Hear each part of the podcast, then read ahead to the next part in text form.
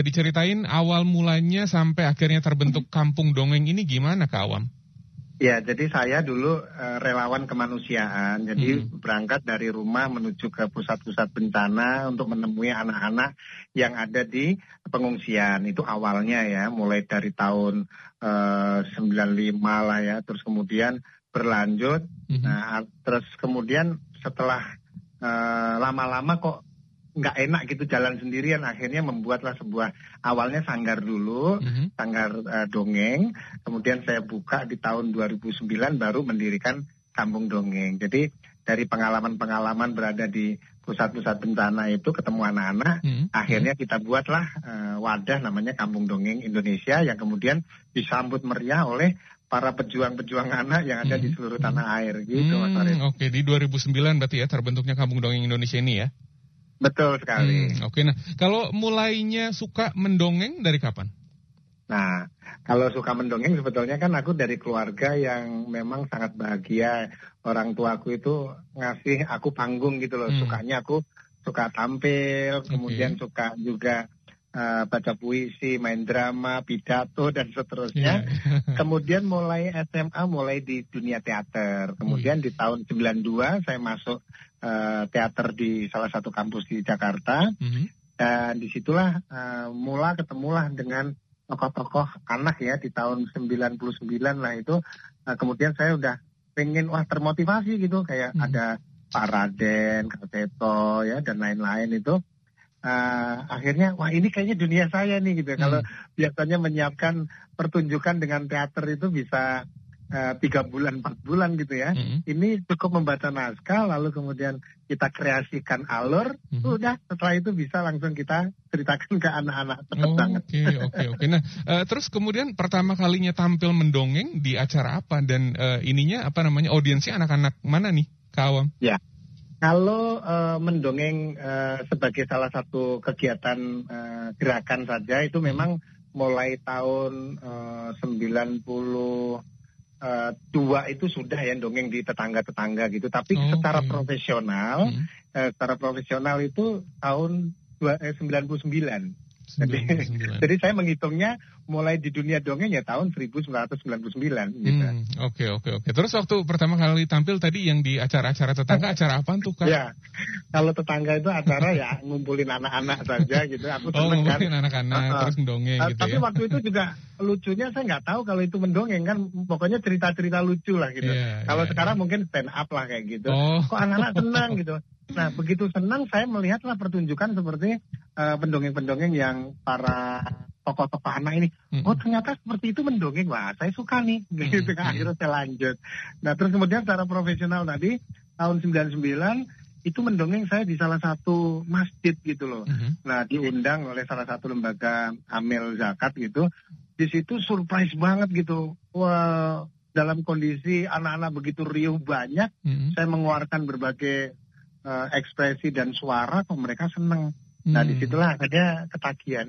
Oke okay, oke. Okay. Nah uh, kepuasannya seperti apa yang yang didapatkan dengan mendongeng di depan anak-anak? Uh, apa yang yang dirasakan oleh kawan?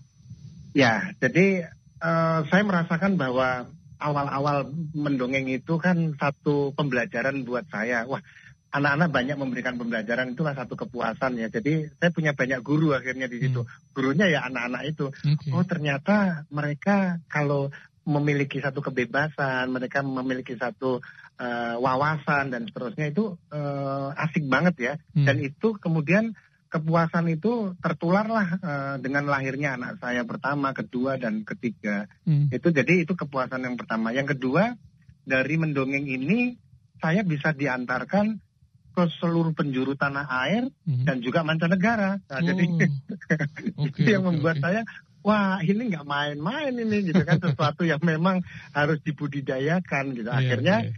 dengan uh, Kampung Dongeng, alhamdulillah para relawan-relawan, teman-teman sekarang sudah cukup banyak. Hmm, oke. Okay. Jadi di Kampung Dongeng sendiri uh, agenda kegiatannya ngapain aja tuh, Kawam?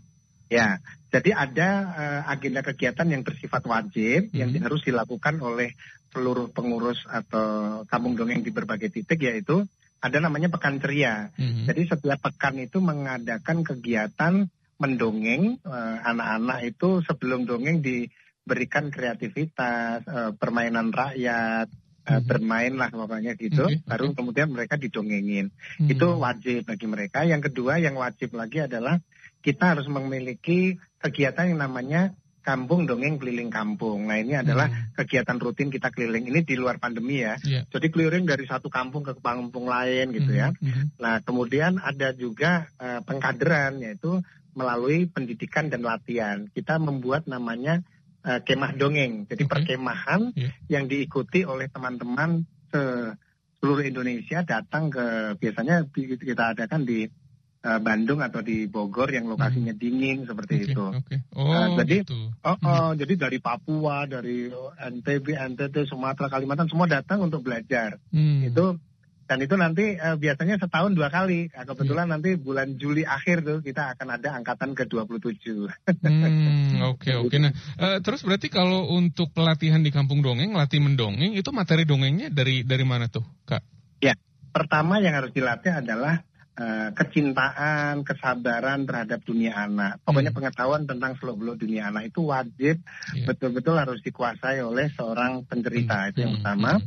Yang kedua, uh, seorang pencerita harus mampu memilih dan memilah atau membuat naskah cerita apa yang akan disampaikan sehingga dia tidak melakukan malpraktek karena cerita itu bagai makanan. Tidak hanya mengenyangkan dongeng juga seperti itu. Tidak hanya memberikan hiburan kesenangan tetapi harus memiliki kekuatan pesan. Jadi harus memilih materi yang betul-betul yang memang harus bisa dipertanggungjawabkan. Hmm. kemudian yang kedua bagaimana kreativitas. Nah, kreativitas ini sangat banyak. Contoh kreativitas yang pertama memainkan boneka.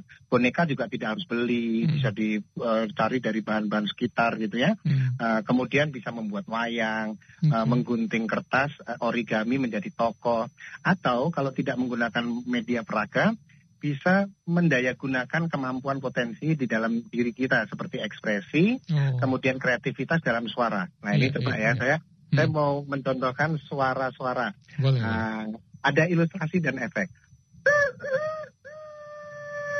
Itu suara bebek. Eh salah ya, itu suara ayam.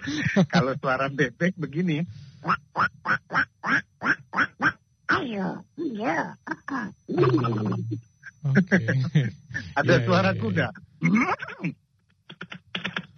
oh.